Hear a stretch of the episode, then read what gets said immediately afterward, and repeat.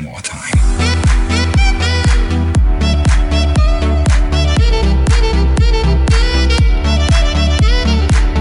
Hai Sobat Unala, yuk decide Unala Provide Tanya, tanya Nala Oke, selamat siang teman-teman. Aduh, selamat siang, sore, pagi, malam, apa pun yang lagi didengerin teman-teman. Pokoknya semoga teman-teman dalam keadaan sehat ya semuanya Dan tetap eh, menjalankan protokol kesehatan. Nah, ngomongin protokol kesehatan Kali ini Tanya Nala udah kedatangan dokter eh, Unala yang cukup populer gitu. Aku sebutin namanya nanti kita kenalan lebih jauh. Dokter Lucy ya. Mungkin sobat Unala cukup familiar dengan dokter kece Unala satu ini. Ke- karena hari ini kita akan berbincang topik yang seru banget ngomongin soal kesehatan reproduksi remaja yang identik dengan kata tabu. Ada juga yang bilang saru karena dulu waktu SMK aku bil- dibilang anak saru gitu. Nah, kenalan dulu mungkin sama dokter Lucy kali ya. Hai dok, selamat siang. Oke, selamat pagi, Oh iya, selamat pagi. siang, selamat sore, selamat malam buat semuanya dan juga Kak Bisa Iya. yang saat ini kita berusaha berdua duet di sini ya, bukan duel, duet. duet. dokter, mungkin perkenalan dulu kan dokter Mitra Unala. Dokter ini eh, praktek atau gabung Unala dari kapan? Terus prakteknya di mana gitu. Kalau gabung sama Unala udah lama banget ya sampai agak lupa aku 2013 apa 14 Waduh, ya. pionirnya. Pokoknya tetuanya gitu ya. Iya. Aha. Sementara ini praktekku juga tutup masa Mm-mm. pandemi jadi bisa konsultasi juga bisa online aja Oh ya, gitu. Jadi kalau teman-teman kalau mau konsultasi online yang biasanya jawab WhatsApp WhatsApp dokter itu salah satunya dokter Lucy ini Yuhu. gitu. Makanya aku bilang familiar karena di WhatsApp teman-teman pasti ada direspon oleh dokter Lucia SR Ah, gitu. gitu. SF Sari Rezeki. Oh, kira- kirain SR apa gelar apa gitu, Dok. Iya Ya. iya iya iya. Ini kan ngomongin kesehatan reproduksi yang dibilang teman-teman eh, sobat Unala itu saru. Mhm. Nah, faktanya saru nggak sih dok kita diskusi soal kesehatan reproduksi itu sebenarnya? Oke. Sekarang kita itu ada di era modern yang nggak bisa. Heeh. Ternyata memang masih banyak orang tua yang menganggap bahwa pendidikan kesehatan reproduksi atau Mm-mm. kespro gitu serunya untuk remaja itu masih dianggap tabu atau saru atau nggak Mm-mm. boleh diomongin. Iya benar banget. Padahal kita semua tahu kan bahwa pendidikan kespro itu sejak dini adalah penting. Mm-mm. Mengapa penting? Kan remaja itu harus penting tahu menjaga dirinya sendiri. Nah, taunya orang tua itu kalau kespro itu melulu hubungan seks. Iya. Nah, jadinya dikira kalau pendidikan seks itu pendidikan kespro tahunya juga hubungan, Hubungan intim. intim. Iya. Padahal di situ juga ada kebersihan diri, Hmm. dimulai dari pendidikan kespro itu sendiri. Nah, pendidikan kespro memang hendaknya mau diberikan sedini mungkin, bahkan mulai dari anak dengan cara penyampaian yang pas. Yang Nah, pas. itu memang untuk mengatakan pas itu memang kadang tidak semua orang tua Mm-mm. maupun guru maupun para siapa aja gitu memang belum semuanya mampu ya gitu. Jadi memang harus belajar pas mau memberikan kepada siapa gitu. Oh jadi ukuran pasnya tuh dari umurnya juga Oh betul. dan kemampuan ya. orang tuanya. Pokoknya anak mulai umur 2 tahun sudah sudah kita latih Oh. bagian mana yang boleh dipegang oleh orang lain. Oh iya yang ada Ah, lagunya ah. itu ya dok. Betul gitu. Semakin dewasa anak akan semakin merasa malu dan tertutup untuk membicarakan kespro kepada orang tua kalau tidak dilatih. Gitu Mbak. Jadi sementara memang eh, menyedihkan ya masih karena masih dianggap tabu sehingga nanti remaja gak akan mendapatkan informasi dari orang tuanya sehingga memperoleh dari teman-temannya atau dari internet yang belum tentu benar. Benar, gitu iya, ya. benar. Jadi emang pengalaman eh, Visa waktu remaja. Eh saya juga masih remaja sih, Oh, remaja ya? akhir. Ah, aku juga loh. Oh iya sama ya dok kita. Aku sudah lulus kumlot jadi remaja. Kalau Kak bisa belum. Belum belum. Ya ini udah ada senior remaja. Senior ya, karena remaja itu kalau menurut UNFPA kan Mhm. umur eh berapa? 15, sampai 24, tahun. Iya. Ya, hampir lulus. Ya hampir lulus aku hampir lulus jadi remaja. Jadi Mm-mm. itu bukan tabu tapi emang harus diberikan oleh eh, orang tua dan juga eh, guru juga ya dok ya. Iya, Mm-mm. semua guru harusnya mampu memberikan itu. Guru-guru TK. supaya tidak ada kejadian pelecehan seksual pada Hmm. anak-anak kecil. Kan sekarang istilahnya eh, teman-teman milenial bilang eh, pedofil gitu Iya. ya. Eh, di, di semua negara di mana-mana itu ada namanya penjahat seks. Hmm. Untuk itu mulai anak mulai dari umur 2 tahun sudah diperkenalkan bagian mana saja yang boleh disentuh oleh orang lain. ya jadi lebih aware anak-anak. Betul. Iya. Eh, ngomongin eh, dari tadi kita ngomongin kesehatan reproduksi, kesehatan reproduksi terus mungkin sobat Unala ini masih ada yang belum paham sebenarnya kesehatan reproduksi apa sedangkan dokter Lucy kan tadi ngomongnya tidak melulu eh, ngomongin hubungan intim kalau ngomongin seksualita eh, kesehatan seksual reproduksi tapi Mm-mm. kes- apa eh, kebersihan nah sebenarnya apa sih kesehatan reproduksi remaja itu dok Oke, secara sederhana Hmm. reproduksi reproduksi berasal dari kata re artinya kembali. Produksi artinya membuat atau menghasilkan. Jadi, reproduksi mempunyai arti suatu proses kehidupan manusia dalam menghasilkan keturunan dalam kelestarian hidup. Nah, ini yang Hmm. sering membuat karena definisi seperti ini iya membuat orang tua oh berarti kalau reproduksi itu ilmu hubungan seks. Nah, itu membuat ya. kembali Nah, lagi gitu ya dok Padahal secara global, kesehatan reproduksi remaja adalah suatu kondisi sehat yang menyangkut sistem, fungsi, dan Hmm. proses reproduksi yang dimiliki oleh remaja. Nah, pengertian sehat di sini tidak semata-mata berarti sekedar bebas penyakit atau bebas dari kecacatan, Mm-mm. namun juga sehat secara mental dan sosiokultural. Oh. Nah, lengkap banget. Jadi nggak melulu ngomongin kesehatan organ aja, tapi ngomongin kesehatan mental dan Mm-mm. kesehatan iya sosiokultural. betul. Jadi kalau sehat reproduksimu, berarti kamu sehat juga secara mentalmu, secara eh, apa sosiokultural juga ya Iya, dok. heeh, cara budaya, kebudayaan di sini sini bagaimana, kebiasaan di sini itu semuanya semuanya sehat dan memahami. Iya. Jadi kalau misalnya teman-teman mau curhat di Unala gitu, wah Unala kesehatan reproduksi bisa nggak ya nyurhatin insomnia? Padahal tuh masuk tes pro juga ya dok Bisa insomnia. karena kesehatan nanti kesehatan jiwa juga karena Mm-mm. sekarang kan remaja sekarang tuh banyak tekanan jiwa, waduh. Wah, tekanan iya. jiwa.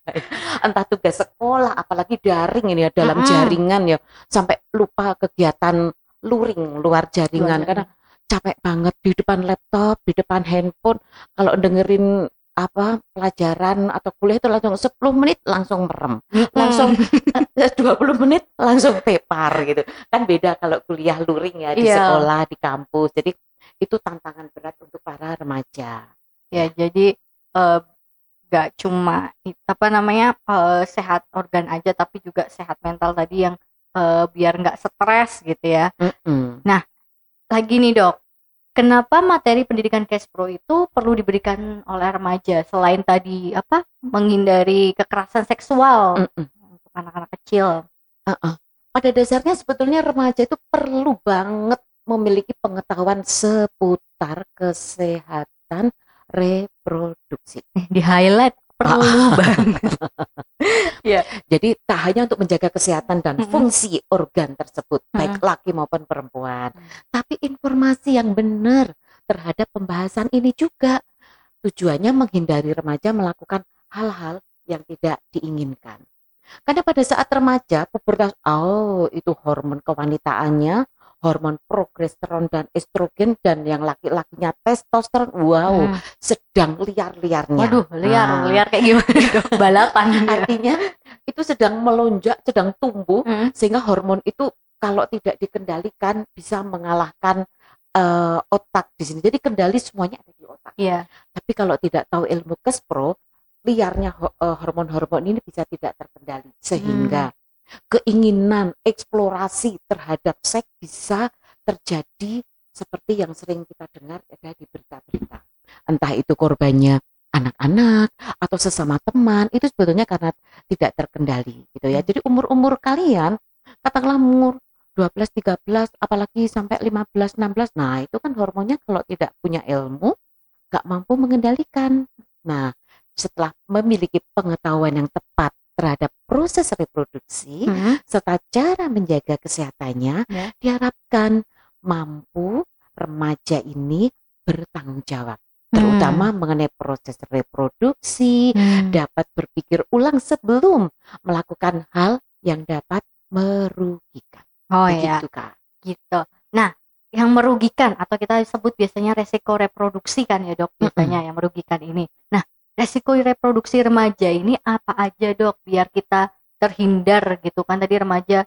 Oh, aku biar terhindar dari resi apa resikonya tadi gitu kalau aku tahu cash flow tapi resikonya apa aja apa cuma kehamilan aja gitu. Mm-mm, Oke, banyak banget sebetulnya. Mm-mm. Yang paling sering kita dengar, mungkin teman-teman kalian remaja pernah dengar adalah hubungan seks di luar nikah Mm-mm. dengan endingnya KTD, kehamilan tak diinginkan. Banyak banget terjadi, gitu ya. Masih ingin sekolah, namun karena sudah hamil, pastilah sekolah-sekolah di Indonesia masih kalau ada remaja putri hamil biasanya kan dikeluarkan. Jadi Iya. udah putuslah sampai di situ, gitu ya. Jadi karena ketidaktahuan sehingga melakukan hubungan seks karena tidak mampu mengendalikan hormon-hormon Iya. yang liar tadi sehingga sampai terjadi kehamilan. Dan juga karena uh, memang IT begitu terbuka ya, Mm-mm. jadi dengan lihat adanya video, adanya jadi ingin eksplorasi melakukan itu. Semuanya pasti tidak dengan sengaja, tapi karenanya aktivitas hormon itu dan tanpa pengetahuan yang pas, yang baik sehingga terjadilah uh, hubungan seks di luar nikah dalam masa pacaran. Hmm. Masa pacaran itu kalau pengen tahu ini sebetulnya pacar yang baik atau enggak butuh waktu satu tahun loh kakak. Satu tahun baru tahu oh dok. iya, karena Gimana? begitu kita ketemu sama seseorang, adanya yang bagus, yang Hmm. baik. Iya iya. Hormon lagi liar-liarnya dan oh ini dia Arjunaku. Istilahnya bucin Oh. dok sekarang. butuh cinta ya. Budak cinta. Budak ya bukan Iya. butuh ya. Oh ini dia bidadariku. Segala sesuatunya Iya. tertumpahkan. Nah, yakinkan dalam satu tahun bahwa ini adalah pacarku atau bukan. Jadi Hmm. be- jangan tiga hari seminggu langsung nembak. Sebetulnya pendekatan butuh waktu satu tahun untuk tahu bahwa hormon kita itu eh, keliarannya tuh mampu kita menjinakkan. Hmm, jadi mampu terkontrol dulu. Ya, tapi biasanya mereka kan ketemu di medsos, oh kemudian iya benar-benar. eh, ngobrol-ngobrol seminggu langsung ketemu, jadi lalu udah langsung dating gitu ya. Iya. Nah itu yang sering terjadi. Jadi hubung akhirnya terjadi hubungan seks kadang Hmm. kalau tidak memiliki ilmu kespro, eh, kawan-kawan remaja itu nggak tahu loh apa yang namanya hubungan seks. Iya benar sih dok. Mhm, mhm. Jadi jadi itu sehingga semuanya terjadi serba serba tak terduga gitu ya. Iya. Nah, setelah adanya hubungan seks, kehamilan tidak diinginkan, sudah itu pasti akan mengganggu masa depan. Nah, yang sering terjadi biasanya juga usaha untuk melakukan aborsi. Ya pastilah. Mm-mm. aborsi tidak aman kan namanya remaja. Mau bilang ke orang tua takut sehingga segala daya upaya bagaimana caranya supaya eh, ke apa kandungan itu bisa keluar berbagai macam cara sampai saya nggak ngerti apa yang mereka lakukan gitu ya Cari di internet itu tadi ya dok Iya. atau self yang ada obat-obatan yang Iya. dijual, dijual bebas dengan berbagai macam cara sampai terjadinya perdarahan dan infeksi itu banyak kasus terjadi seperti itu. Itu berbahaya banget ya Oh dok. banget, Hmm. iya betul Kalau yang laki-laki itu bisa, maksudnya kan misalnya perempuan dipaksa untuk Mm-mm. aborsi gitu. Mm-mm, mm-mm. Berarti yang laki-laki tetap dapat hukuman gak nih dok? Nah, itu kan ya rasanya kayak ketidakadilannya di situ ya Kak Hmm. Visa.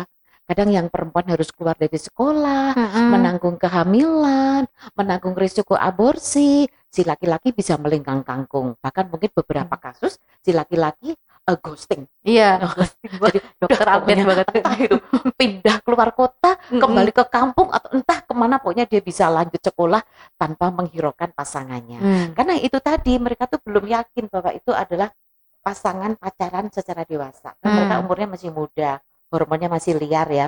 Setelah terjadi kehamilan biasanya si laki-laki juga ada eh banyak, Banyak lagi. yang melakukan itu, menghindar dan ekstrimnya ghosting, Ghosting tadi, ya. Mm-mm, ya. Kemudian kalau sudah hamil akhirnya dia katakanlah dilanjutkan, Mm-mm. udah dinikahkan. Nah, kita tenaga kesehatan yang jadi sedih Kenapa dok? Di bawah umur 20 tahun. Resikonya apa sih dok? Kehamilan dengan umur di bawah 20 tahun merupakan kehamilan berisiko. Karena apa? Sebelum umur 20 tahun, leher rahim itu sedang mengalami perubahan sel dari sel kolumner menjadi sel squamosa. Nah, apabila terjadi hubungan seks pada saat umur-umur perubahan ini bisa mengacaukan perubahan sel tersebut sehingga nanti pada saat umur di atas 40, di atas 50 Mhm. bisa memicu terjadinya kanker leher rahim Hmm. di mana pengobatannya aduh pengobatannya memang kalau kanker itu pengobatannya lumayan serem ya dan yang lebih serem lagi harus antri panjang Jadi Di tambah lama dong. iya jadi kadang ada beberapa kasus sebelum antrian seorang wanita ini sudah meninggal karena antrinya Hmm. panjang begitu banyak kasus Oh jadi angka kematian karena eh, kanker leher rahim ini lumayan tinggi di Indonesia. Ya karena nunggunya juga lama ya dok. selain itu dia datang ke tenaga kesehatan sudah dalam kondisi yang jelek sudah sampai Oh. stadium di atas eh, kadang-kadang datang sudah stadium 3, stadium Hmm. 4 gitu. Makanya kan ada deteksi dini dengan IVA dengan pap smear. kalau sudah menikah harus rajin melakukan itu. Nah sebaiknya memang hubungan seks jangan dilakukan sebelum umur 20 tahun tunggu dulu sel-sel yang ada di porsio Hmm. leher rahim itu sempurna Hmm. dan siap untuk melakukan hubungan sel, hubungan seks dan juga siap untuk hamil dan melahirkan. Oke, gitu. Jadi mah dapat info baru nih sobat Unala soal Mhm. eh, jangan melakukan hubungan seks di bawah 20 tahun. Alasannya karena apa? Udah dijelasin dokter Lucy. Karena selnya masih dalam perkembangan ya dok. Ah, ah, perubahan menjadi perubahan, perubahan iya. sel. Terus dapat info juga soal pencegahan kanker serviks itu selain eh, mencegah tidak melakukan hubungan seks di bawah umur 20 tahun, tapi bisa juga cek IVA dan pap smear untuk teman-teman yang sudah Deteksi dini. oh ya. deteksi eh, Mm-mm. deteksi dini Mm-mm. untuk yang sudah eh apa menikah. Yang sudah Menikah menikah, dan sudah hubungan seks rutin selama satu tahun, memang Mhm. baiknya rajin melakukan IVA. IVA itu yang sederhana, Mm-mm. Eh, inspeksi visual asetat atau dengan pap smear, pap smear itu yang lebih akurat. Ah, ah. Yang Jadi pakai asam itu yang IVA yang itu. IVA. Oh, ah, ah. oke. Ya. Gitu. Mhm. Itu bisa diakses di puskesmas bisa juga di ya, puskesmas Ya. ya, betul bisa di puskesmas bisa di bidan bidan unala Iya. ya. Oke, lanjut. Tadi udah ngomongin resiko reproduksi tuh banyak banget dari KTD, Mm-mm, eh, pernikahan usia anak, mm-mm. aborsi, Mhm. I- IMS juga ya dok ya? ya betul kan IMS. juga masih ini hamil dan melahirkan pada usia dini Iya. belum siap untuk menjadi ibu masih Ya. muda kan kan mestinya dia masih gendong ransel sekolah belum gendong bayi Iya, gitu gendong tas kan. dulu ya dok ya. Ah, betul Hmm. jadi dia masih harus nggak siap gitu ya. Mm-mm. Jadi anaknya kadang juga karena pada saat hamil juga kondisi psikis ibu tidak siap, biasanya Mm-mm. juga mempengaruhi kualitas bayi anak yang dilahirkan. Hmm. Begitu. Jadi panjang ya dok ya. Wah, resikonya rentetannya pokoknya panjang banget. Bisa Ya. juga anaknya stunting belum juga. Ya. pokoknya panjang banget ya dok. Betul. Terus kemudian karena ini fondasi suami istrinya belum Mm-mm. kuat, biasanya juga angka perceraiannya lebih tinggi. Oh iya kan benar. baru baru ketemu baru pacaran tiga bulan enam bulan atau katakanlah ya setahun. Tapi kan belum siap untuk nikah belum kuat untuk menjadi pasangan suami istri. Biasanya terus masih emosional Iya. terus biaya nanti juga yang ngurus bayinya juga Orang keluarga. tua, ya jadi masih masih labil lah katakanlah usia-usia Mm-mm. usia gitu ya Orang Mhm. makan makan di mana aja masih berantem ya dok ya. betul Membangun rumah tangga. Oke, Iya, iya. lanjut ya dok ya. Mm-mm, Eh, ada pertanyaan nih dok dari sobat Kunala. mm-mm. Apakah orang yang tidak perawan bisa dilihat dari cara berjalannya dok? Nih ngomongin mungkin mitos kali ya dok. Wow, Apa serem fakta banget nih kalau ngomongin mitos ya. Ah, pokoknya kalau di Indonesia tuh mitosnya dari Sabang sampai Merauke banyak Mm, banget, banget. gitu ya. Jadi memang ketidakmengertian tentang seksualitas ditambah rendahnya tingkat pendidikan, tidak tahunya tentang seks, Iya. bahwa kespronya nggak punya gitu. Waduh, pokoknya mitos-mitos tentang tentang wanita ini memang Mm-mm. banyak banget ya. Salah satunya tadi Kak Visa mengatakan kalau nggak perawan bisa dilihat dari cara jalannya. Saya nggak ngerti jalannya yang kayak apa sih gitu. Apa jalannya? Agak ngangkang mungkin dok. apa Eh, jalannya ngangkang gitu ya. Yang pasti ini sekali lagi hanya mitos. Hmm, mitos. Tidak ada kaitan antara cara jalan dan keperawanan. Meskipun banyak anggapan kalau wanita yang berjalan ngangkang itu tanda sudah tidak perawan, tapi sebenarnya anggapan itu tersebut sangat-sangat keliru Hmm. gitu ya.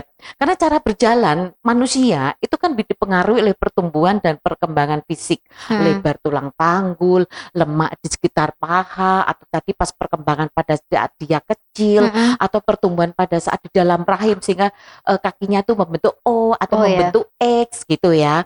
Eh, jadi bukan karena kalau udah perawan, eh kalau sudah tidak perawan jalannya ngangkang.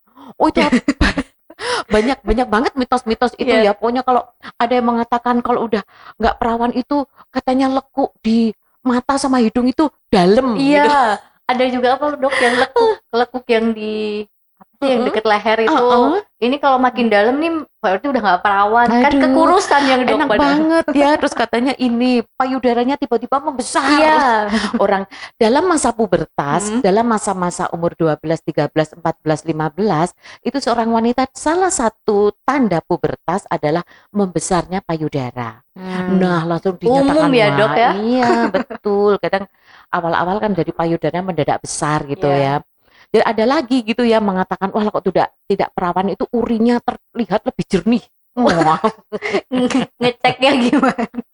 Iya jadi kadang lucu-lucu banget gitu ya Iya, iya.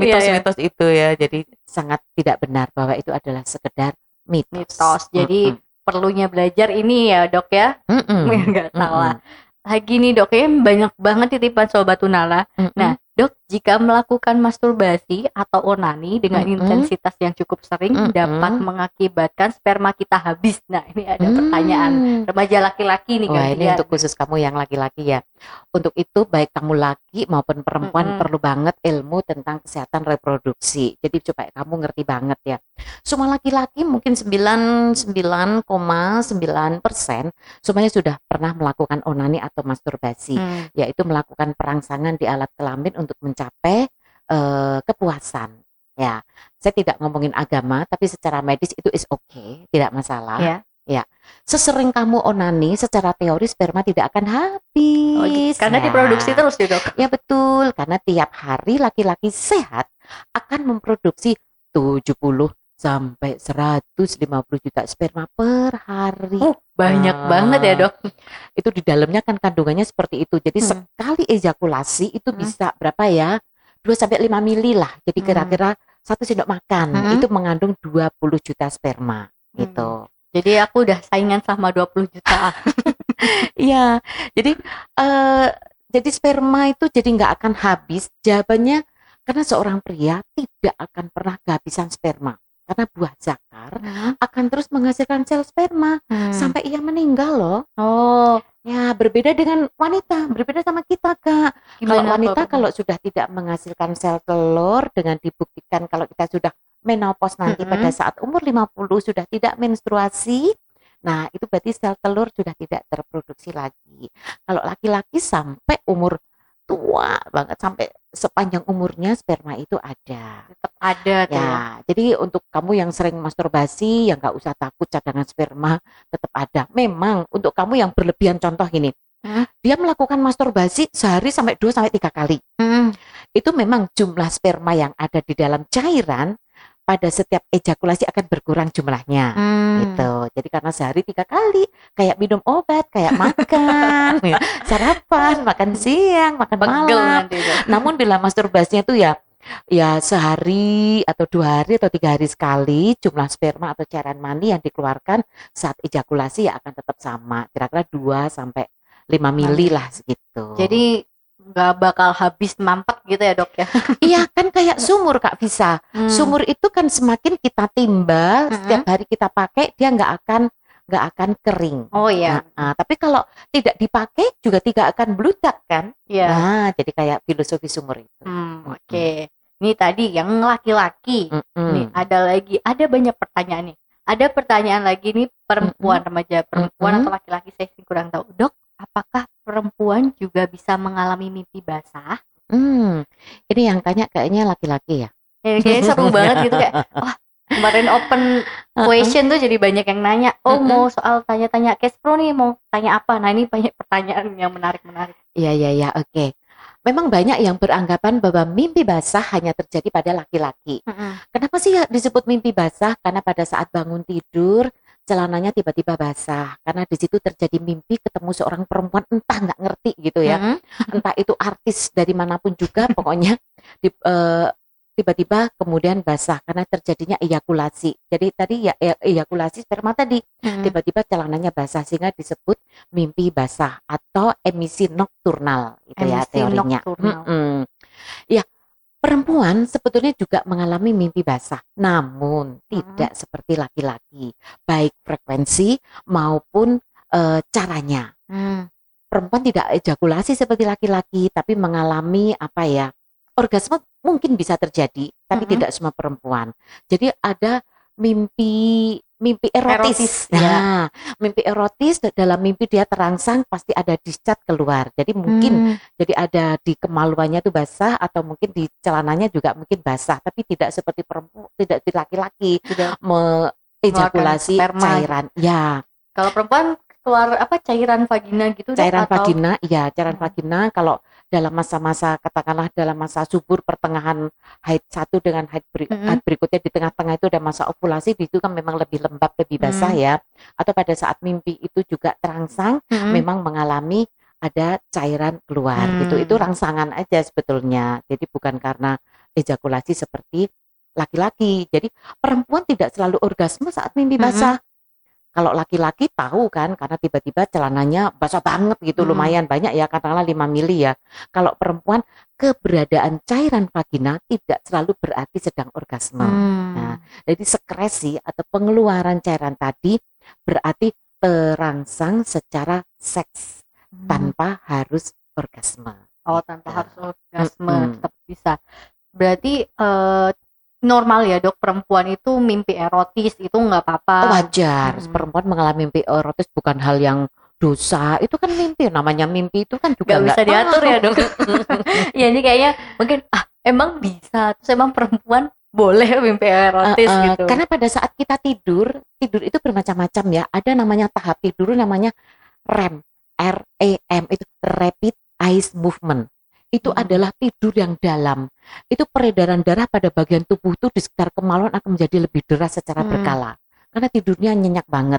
Nah, sirkulasi darah ini akan memuncak pada laki-laki sehingga menyebabkan ejakulasi. Nah, pada Hmm. wanita mungkin juga itu karena mimpi eh, tidurnya dalam, mimpi erotis sehingga ada sekresi dari kemaluannya. Heeh. Hmm. Oke, jadi sobat Unala sudah paham ya. Jadi kalau perempuan mimpi basah juga ada gitu dan normal gitu. Laki-laki tadi juga yang masturbasi, jangan khawatir spermanya habis, tetap akan direproduksi lagi. Hmm, apalagi ya? Oh, nih ada pertanyaan lagi. Mm. Dok, apakah benar dengan meminum air kelapa atau degan Mm-mm. bisa meningkatkan kualitas sperma?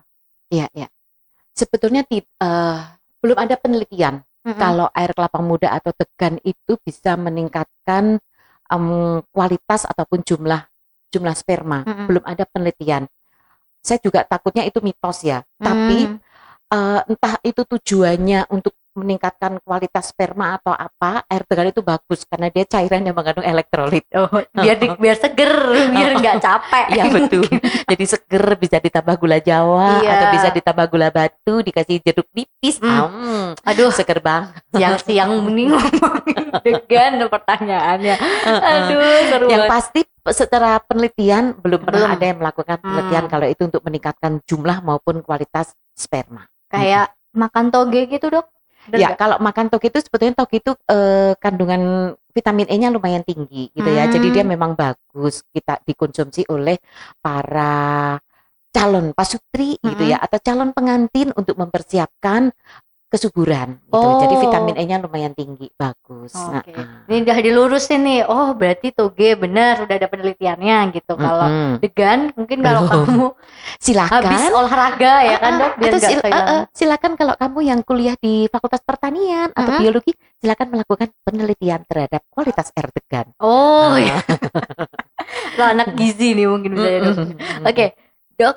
Mm-mm. eh, ini ada terakhirnya dari tadi ngomongin cash pro, kita tadi cash pro harus dikasih sama orang tua gitu. Mhm. Mhm. Gimana sih orang tua itu kita lah atau anak atau orang tua nih biar bisa ngobrol sama anak ngomongin cash pro tuh jadi apa? nggak canggung atau jadi nggak tabu lagi. Kalau Iya. dokter gimana pengalaman Mm. sama anaknya nih ngomongin kesehatan reproduksi atau Iya. nggak diomongin? Uh-uh. Eh, was- tidak semua orang tua itu welcome untuk ngomongin masalah kespro. Yaitu tadi seperti yang awal tadi kita perbincangkan, masih merasa tabu, masih merasa saru. Wes lah, biarin aja besok anak-anak akan ngerti dengan sendirinya, gitu ya. Tidak semua orang gitu. Jadi memang karena sebetulnya faktor orang tua itu sudah membuat tameng sendiri. Jadi Hmm. sebagai anak mungkin juga bingung mau mengajak orang tua ngobrol ini. Jadi mungkin sebagai kalian sebagai remaja Mm-mm. mungkin akan lebih santai aja. tanya gitu ya tanya eh misalnya ibu saya pengen kalau menstruasi gitu ya Mm-mm. katakanlah perempuan menstruasi biasanya ibu akan melakukan edukasi melakukan apa ya alih ilmu itu setelah anaknya Mm-mm. mestinya dilakukannya sebelum, Sebelum. haid ya karena sekarang anak-anak SD sudah banyak yang haid Iya. jadi harusnya sudah dipersiapkan sejak awal supaya anak itu tidak kaget pada saat di kemaluannya keluar darah kan bisa keluar pada saat sekolah Mm-mm. pada saat bangun pagi supaya tidak shock gitu ya gitu jadi untuk kalian yang sudah remaja mungkin santai aja karena pasti orang tua kamu tuh sudah memba- membuat sekat karena orang tua kamu dulu juga diperlakukan seperti itu oleh orang kakeknya kakeknya ya. Ya. Nah, besok kamu kalau sudah jadi orang tua, udah kamu jadi orang tua yang keren. Jadi besok kamu lebih terbuka untuk ngomongin kespro sama anak-anakmu. Nah, sekarang kalau mau nanya-nanya ke orang tua juga kamu yang membuat situasi yang nyaman aja. Misalnya tanya Hmm. ke ibu gitu ya tentang haid, tentang hubungan seks, tentang pacaran gitu. Kalau ya dengan gaya kamu lah yang bagaimana Hmm. kedekatannya gitu ya. Oh kan tidak semua ayah juga mau menjelaskan tentang mimpi basah pada anak Iya, laki-lakinya. Jadi tidak semua, tidak semua orang tua mampu melakukan itu. Kalau kamu ingin memang mau ngobrol ya kamu yang cari cara gitu. Pak, santai aja dong Pak ngomongin masalah ini kan yang aku baca di internet kok gini ya Pak, Bu. Hmm. Sebetulnya bagaimana sih yang benar gitu. Jadi eh, jangan membuat sekat Bu, santai aja kan toh aku udah gede gitu Iya. nggak apa-apa gitu Jadi ya. juga tergantung Mm-mm. pola komunikasi dengan orang tua Betul. ya Iya, terhadap iya. anak. Mm-mm. Oh, makasih nih dok ya kita udah berapa menit ini ngobrol panjang banget Sudah gitu. bermenit-menit ya. Nggak berasa gitu. Nah, mungkin kalau ada pertanyaan lagi nih bisa ya tanya sama dokter Lucy Oke. heeh. lewat customer ah ngomongnya belibet lewat customer line-nya Unala nanti akan dijawab langsung sama dokter Lucia SR gitu, yang iya. sudah famous banget. Wow. Oke, jadi eh, jadi kesehatan reproduksi nih teman-teman remaja bukan hal yang tabu atau saru buat didiskusikan, tapi adalah pengetahuan yang yang dapat membantu kita sebagai remaja terhindar dari resiko-resiko kesehatan reproduksi, eh, ngontrol keliar hormon keliaran kita. Iya, iya, Ya. iya. Terus, oh ya, jika ada mitos atau informasi seputar kesehatan reproduksi, Sobat Unala bisa cari tahu sumbernya dulu, baik eh, baik atau benar apa enggak gitu, atau bisa cari referensinya di kanal media yang menyediakan info yang valid dan terpercaya, salah satunya di @unalayut. Oh ya, Sobat Unala juga bisa melakukan konseling, konseling virtual bisa ya dok sama dokter Lucy. Iya bisa. Nanti kita bisa tatap muka. Bisa lewat Google Meet atau bisa lewat Zoom. Zoom. Iya, nanti eh, bilang aja Kak, aku mau sama Dokter Lucia yang di podcast gitu. Hubungin siapa? 0811-255-390 karena pertanyaanmu atau konselingmu akan langsung diatasi atau dijawab langsung oleh Dokter Mitra Unala.